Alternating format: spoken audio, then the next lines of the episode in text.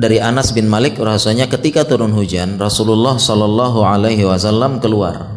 Kemudian beliau menyibakkan sebagian bajunya dia buka kemudian dibiarkan sebagian anggota badannya mengenai hujan. Ditanya oleh para sahabat mengapa engkau melakukan demikian? Rasulullah SAW bersabda li'annahu hadithu ahdin ahdi bi karena Allah baru saja menciptakan hujan ini dan menurunkannya para sahabat saat itu memahami Rasulullah SAW menyambut hujan karena berdasarkan ayat hujan adalah berkah. Ini adalah perbuatan Rasulullah SAW dan Imam Nawawi menyebutkan ini dalam rangka tabarruk. Fayatabarraqa biha fi hadzal hadisi dalilun liqauli ashabina annahu yustahabbu inda awalil matar ay yakshifa ghairu auratihi liyanala lahul matar. Kata Nawawi ini ada hadis ini menunjukkan yustahab disunnahkan pertama kali turun hujan kita menyingkap salah satu anggota badan kita selain aurat katanya supaya kena hujan ini salah satu sunnah. Sebagian ada yang salah paham, membaca hadis ini kemudian menyimpulkan adanya sunnah mandi hujan-hujanan. Bahkan ada pendapat tulisan atau bahkan video ceramah yang mengatakan ada sunnahnya mandi hujan-hujanan. Para zaman sekalian pendapat ini tidak tepat. Tidak ada sunnah mandi hujan-hujanan. Yang ada sunnahnya hanya menyingkapkan saja. Seperti Rasulullah SAW.